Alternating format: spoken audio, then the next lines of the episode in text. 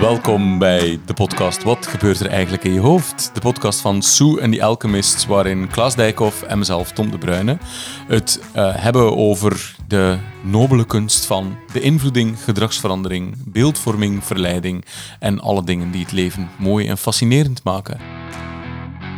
En vandaag gaan we het hebben over het verneuken van draagvlak. Het verneuken van draagvlak is, uh, ja, is, is iets wat we, wat we met, met met uh, deels fascinatie, deels met ledenogen aanzien.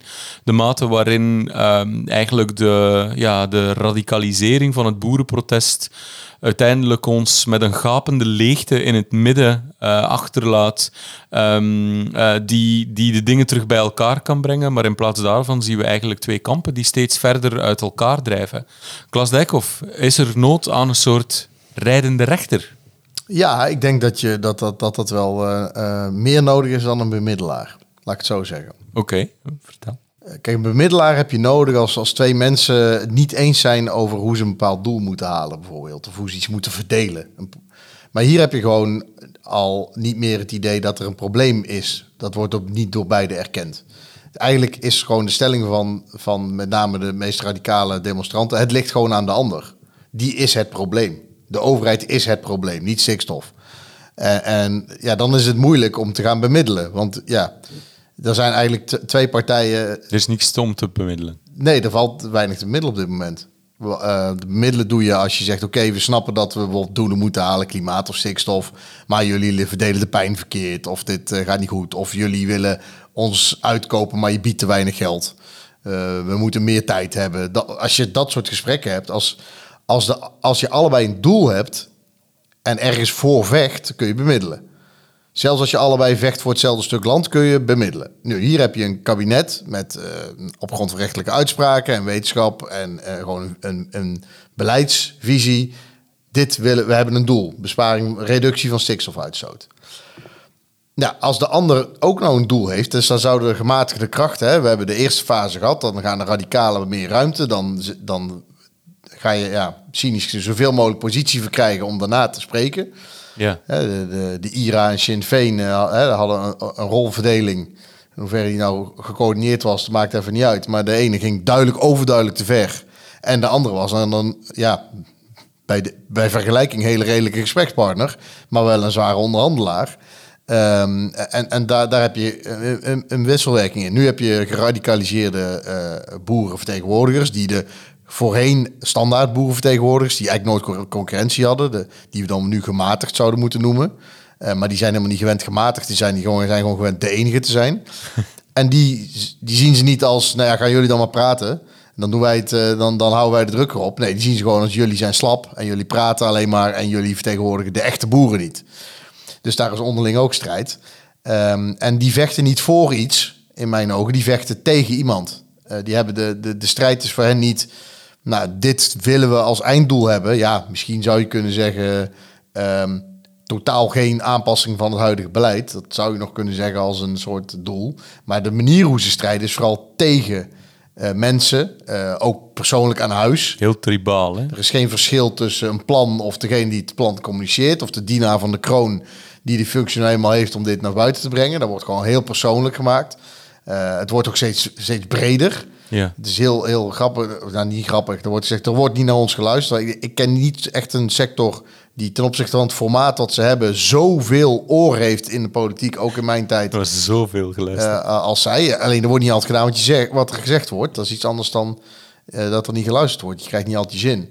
En ze maken natuurlijk daardoor ook totaal ook onmogelijk om uh, voor, voor gematigde boeren om die plek in het midden ja. met enthousiasme in te nemen, die constructieve positie. Want eigenlijk ja, is, is in hun frame iedereen die niet met ons mee is, is een landverrader. Ja, ze hangen een Nederlandse vlag op zijn kop. Nou, ik denk dat het voor het draagvlak niet helpt. En dat er gewoon mensen in Nederland zijn die dat zien en denken, nou, dat wil ik eigenlijk niet bij horen. Nee. En, en, en de, er komen ook hele bijzondere allianties hè, met... Uh, ik heb wel iemand uh, zag zo'n spandoek over no farmers, no food. En op de achterkant stond uh, vaccin en schif. Dus dat keurig gerecycled materiaal. maar je ziet wel dat ontstaan. Je ziet eigenlijk vooral de radicalere mensen die tegen de overheid zijn.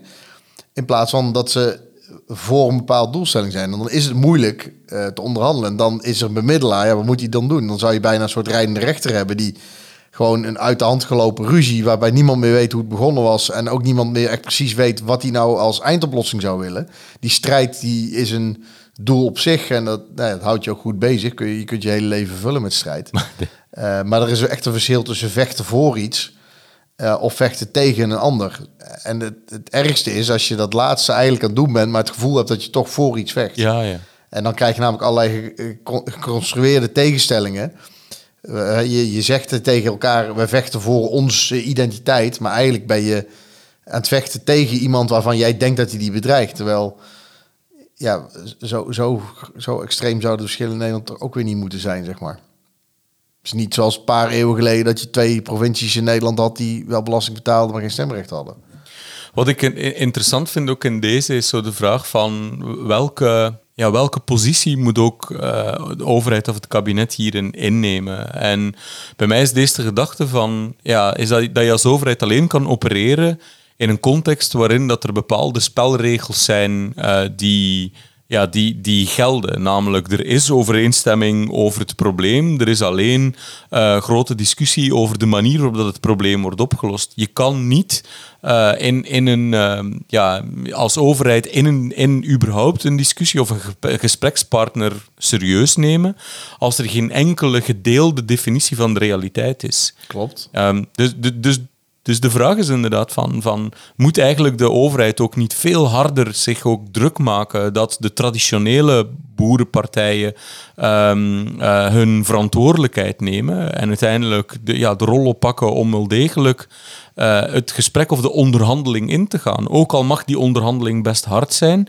dat hij wel degelijk onderhandelt op basis van een, een toch minstens een kleine gedeelde realiteit. Ja, zeker. Ik, ik denk dat, dat welvarende landen, er zijn meer routes naar welvaart. Laat ik nou niet westers uh, super, superioriteit uh, gaan propageren.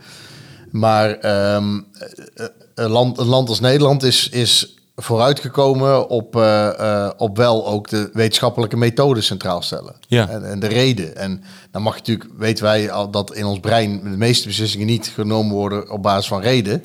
Alleen beleid, wetenschap, voortschrijdend inzicht de, de, kindersterfte is niet gedaald doordat we uh, uh, allemaal in een gedeeld verhaal zijn gaan geloven. Dat is gewoon keiharde wetenschap en betere zorg en, en vaccins en uh, medicatie. Ja. En meer kennis van waarom kinderen vroeger zo vaak overleden in het eerste jaar van hun leven. We, zijn, we worden allemaal ouder wegen ja, de wetenschappelijke methode, laat ik zo maar zeggen. Dat is wel de basis waarop we werken. Ja. En je ziet nu toenemende mate, misschien hoort dat wel bij een land dat zo welvarend is dat je denkt te kunnen veroorloven, dat de discussie niet meer gaat of oké, dit, zijn de, dit zijn de feiten, en, maar we hebben ook deze waarden als samenleving en hoe brengen we nou, wat is, hoe dienen we het algemeen belang het best? En je kunt ook best, ja, misschien best een goed voorbeeld, de religieuze partijen in Nederland debatteren niet per se de feiten over ethische kwesties, maar zeggen gewoon onze ethische, onze morele kijk, onze religieuze achtergrond, onze ethische kijk op de zaak vinden wij belangrijker dan de, dan de voordelen die wellicht geboden worden uh, de, van iets uh, puur op wetenschappelijke grond. Maar dan heb je wel een faire discussie. Ja. Dan ontken je dat niet. Nee. Uh, wat wetenschap ervan zegt. En nu zie je een soort nieuwe radicalisering waarbij gewoon ja, een soort rijdende rechter langskomt en die zegt, uh, de buren zeggen dat u, uh, dat u wel eens een muziek aan hebt. En de andere zegt, ik heb, ik heb niet eens muziek. Ik weet niet eens wat muziek is. muziek, dat bestaat niet. Radio, nee, dat is geen radio. Nee, dat staat daar gewoon. Dus altijd hetzelfde met die buren. En dan loopt de rijdende rechter weg en dan hoor, hoor je in één keer de muziek. En dan draait hij zich om en dan zegt hij, ik hoor toch muziek. Nee, is geen muziek, bestaat ja, ja, ja, dus weet je, zo, dat begin je te krijgen. En, en dan maak ik natuurlijk een karikatuur van. Maar ja, moet je nou gaan bemiddelen tussen iemand die zegt, nou hier heeft u alle rapporten en metingen en daar hebben we metingen en daar en dit is stikstof. En een ander die zegt, uh, stikstof, daar groeien de plantjes prima op. Het zijn alleen andere plantjes. Kijk zo. Huh? Ja, dat is, ook, dat is op zich ook waar. Maar... Hoe kijk je, hoe kijk jij in, in heel dit, uh, ja, dit toch wel uh, dit aan ons, aan ons gezichtsveld nadrukkelijk onttrekkend spektakel? Um, hoe kijk je naar de rol van Caroline van der Plas? Uh, veel mensen zouden zeggen, uh, of niet alleen veel mensen, de cijfers lijken te suggereren dat mensen wel um, ontvankelijk zijn voor haar quote-unquote redelijkheid. Je hebt er een heel andere kijk op. Nee, ik constateer wel dat ze ontvankelijk zijn voor haar. Ja, ja, ja. En um, is, is zij redelijk? Is zij redelijk? Nou, het is een beetje zo'n zo'n zo'n zo'n twee stapjes vooruit en één stapje terug. Of misschien dan net andersom. het is ook wel een beetje lucifers uitdelen en daarna zeggen dat de brandweer toch zo'n geweldig werk heeft gedaan bij het blussen van de brand. en het is een beetje, het, heet, het is een beetje een spel. Je kunt niet zeggen dat ze, eh, want ze neemt wel duidelijk afstand, steeds op tijd van Farmers Defence Force bijvoorbeeld. Eh, maar en, en ze zegt niet ramhard zoals dingen zoals die ze forum roepen erover. Maar ik, ben wel ik heb wel een beetje tabak van het steltje van... Uh, ik stel alleen maar vragen. Weet je, vragen stellen waar, waar je niet geïnteresseerd bent in het antwoord... dan stel je niet alleen maar vragen. Ja, ja. Dan ben je gewoon mensen aan het beïnvloeden... en stellingen en, en, en meningen en twijfel aan het zaaien... met een vraagteken erachter. Is het gewoon, dat is niet een vraag, dat is een zinsconstructie. Ja. Een vraagteken. Dus uh, zou niet. Vind je tieren in Nederland ook niet een beetje druk worden, zeggen mensen dan? Ja, ja. Ja, dan zeg dat is niet een vraag. Nee als jij erop zegt, nee, ik vind het eigenlijk niet. Dan dat is niet dat de ander zegt, oké, nou, dan dankjewel. Ik bedoel, dus, nou, dankjewel, dan turf ik weer, ga ik naar de volgende. dus dus het zit, er, zit, er zit wel een soort spel in waarvan ik ook af en toe denk van... Zeker als je, ja, je kunt wel dan wel het op zich terecht hè, dat je dan zegt, uh, je hoort niet naar het huis van minister te gaan. Denk ja, dat is al zo, maar er zijn, en dan kun je natuurlijk zeggen, ja, het feit dat mensen op mij stemmen betekent niet dat ik verantwoordelijk ben voor hun daden, dat is ook zo. Ja. Maar het, de, de, de, beïnvloeding, zoals wij hier vaker hebben blootgelegd, ligt wel iets subtieler dan dat je kunt zeggen: ik heb niet expliciet ertoe opgeroepen, dus, het, dus ze kunnen nooit op het idee gekomen zijn door mij. Je kunt ook dingen versterken. Uh, alleen ze heeft, ze heeft nog wel een kans. Ik bedoel, ze zou mijn ultieme respect hebben als zij die rijdende rechter gaat uh, zijn. Ja, ja, ja, inderdaad. Ik was als net die rol, als zij haar credits bij die groep ja gaat gebruiken. Om daar ook even wel wat straight talk in te doen. Wel, wel, want het is niet allemaal heilig natuurlijk. Uh, nee. Alles wat er op een boerderij gebeurt. Dat is denk ik uh, uh, wat je, uh, hoe, hoezeer ze blijkbaar ook echt wel ehm, een soort enorm sympathieke snaar weten raken. Uiteindelijk ga, gaat ze, moeten we haar beoordelen op ben je uiteindelijk verder ehm, de, de verdeling, de kwaadheid, het anti-overheidssentiment aan het voeden. Of kan je inderdaad de rol van de rijdende rechter gaan spelen, die, uh, die in staat is om, om uiteindelijk de discussie te overstijgen en met, met misschien zelfs nieuwe, nieuwe oplossingen of antwoorden te komen, gegeven het feit dat je verdomd veel verstand hebt van het boerenleven. Als ze dat, um, als ze dat zou kunnen, ja, dan dat, dat, dat zou wel eens ontzettend gaaf zijn. Ja, en, en op zekere hoogte mag je zeker vanuit de oppositie wel wantrouwen voeden tegen ehm, inhoudelijk beleid. Ja. Dat mag je natuurlijk in twijfel trekken. Uh, je mag metingen in twijfel trekken. Dus e-, e-, eigenlijk vragen stellen is juist heel goed. Als je open staat voor het antwoord. En ook bereid zijn op te zeggen: oké, nou, dit is uitgezocht of uh, door een onafhankelijke. Uh, en dit is wel een feit, dit nemen we nu wel als feit aan. Ja. En, en dan, dan kun je. Maar dat verschuift steeds. Dan kun je ver. En het probleem is, Nederlanders houden natuurlijk enorm van nuchterheid. En van wat we dan ook gezond boerenverstand noemen. Um, en, en we hebben het liefst dat gewoon ingewikkelde dingen simpel worden uitgelegd. Daar heb ik ook het liefst op een manier die ook gewoon logisch klinkt. Weet je wel. Uh, uh, niet, niet de 600 uitvluchten. Weet je, als, als er jongeren lopen te rellen in een wijk, dan zullen er vast sociologische achtergronden zijn. En die zijn over een paar weken vast zo interessant. Op dit moment is gewoon tuigen. En moet gewoon even terug in zijn hok geslagen worden. En die moeten opdraaien voor de kosten. Hmm. Dat is, dat, is, dat is ook zo. Los van dat er allemaal oude zaken zijn, dat je preventie moet doen, dat je ze daarna moet gaan helpen als ze een straf uitgezeten hebben, is ook zo. Want op dat moment is het gewoon, clip is gewoon simpel. Ja. Alleen dat betekent niet dat alles wat op dezelfde manier gebracht wordt als gezond boerenverstand ook gezond boerenverstand is. Of gezond verstand is. Ja, ja, ja, ja, ja, ja. Ten duur wordt de meest geradicaliseerde onzin bedoel, no farmers, no food. Dat is, ja, die slogans, ze, rijmen allemaal. Ze zijn allemaal telegraafproef. Het is of rijmen of allitereren. Nou, bij boerenprotesten is meestal rijmen. Ja, ja. En het is allemaal, het is allemaal fijn, maar het, dat is niet feitelijk per se zo, zeg maar. Nee. Als je 60% van het eten naar het buitenland importeert... en, en dus het lekkere eten, lekkere vlees gaat naar het buitenland... en de strot blijft hier... Ja, dat is ook een feit. Ja. Um, en dat is misschien wel een probleem, zeg maar. Uh, dus ja, ik ken niet veel activiteiten waarvan je zou kunnen zeggen... Degene die ervan profiteren zijn bijna allemaal buitenlanders... en het probleem blijven wij mee zitten. Ik, denk dat dit enige onderwerp is... waarbij de hoop mensen dan zeggen toch toch voorop komen. Ja, ja. Um, dus ergens moet je, moet, je, uh, moet je een middenpartij hebben... die wel echt ook nog stevig afstand neemt van het kabinet... en stevig gaat onderhandelen. Ja. Maar wel een einddoel, een voor zichzelf formuleert van over 10, 20 jaar. En dan er alles uit gaat halen om binnen dat einddoel, wat het algemeen belang van heel Nederland dient, Ja. voor jouw deelbelang van de boeren er zo goed mogelijk uit te komen richting dat doel. Ja. En ik denk dat het kabinet, die staat er volgens mij voor open, want er zijn echt al enorme bedragen gereserveerd om eh, eh, boeren eh, financieel te ondersteunen. Nou ja, meer te betalen dan de waarde van, van de grond om dat einddoel te halen. We starten deze podcast met eh, het verneuken van draagvlak. Toen introduceerde je eigenlijk het begrip de rijdende rechter. We hebben nood aan een rijdende rechter.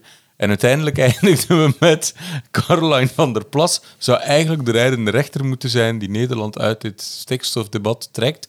En daarmee onze eindeloos... Of... Ja, dat weet ik niet of ze. Ja, ik zou het wel mooi vinden als, als ze die stappen maken. ja, ja. ja, Ik, ik ben toch een, ik ben een optimistisch, hoopvol ingesteld mens. Ja. Kan hier ook wel kritiek gaan leveren op haar dingen. Maar ja, dan word, krijg ik natuurlijk weer naar mijn hoofd dat ik, eh, bevooroordeeld ben. dat ik net eh, vers uit de VVD, eh, uit de landelijke politiek om VVD-lid ben en dat ik politieke spelletjes speel. ja, precies. Dat, dat, Da- krijg je, daarom dat, dat heb ik je als, als, als de strijd tussen mensen tegen elkaar gaat in plaats van voor een doel.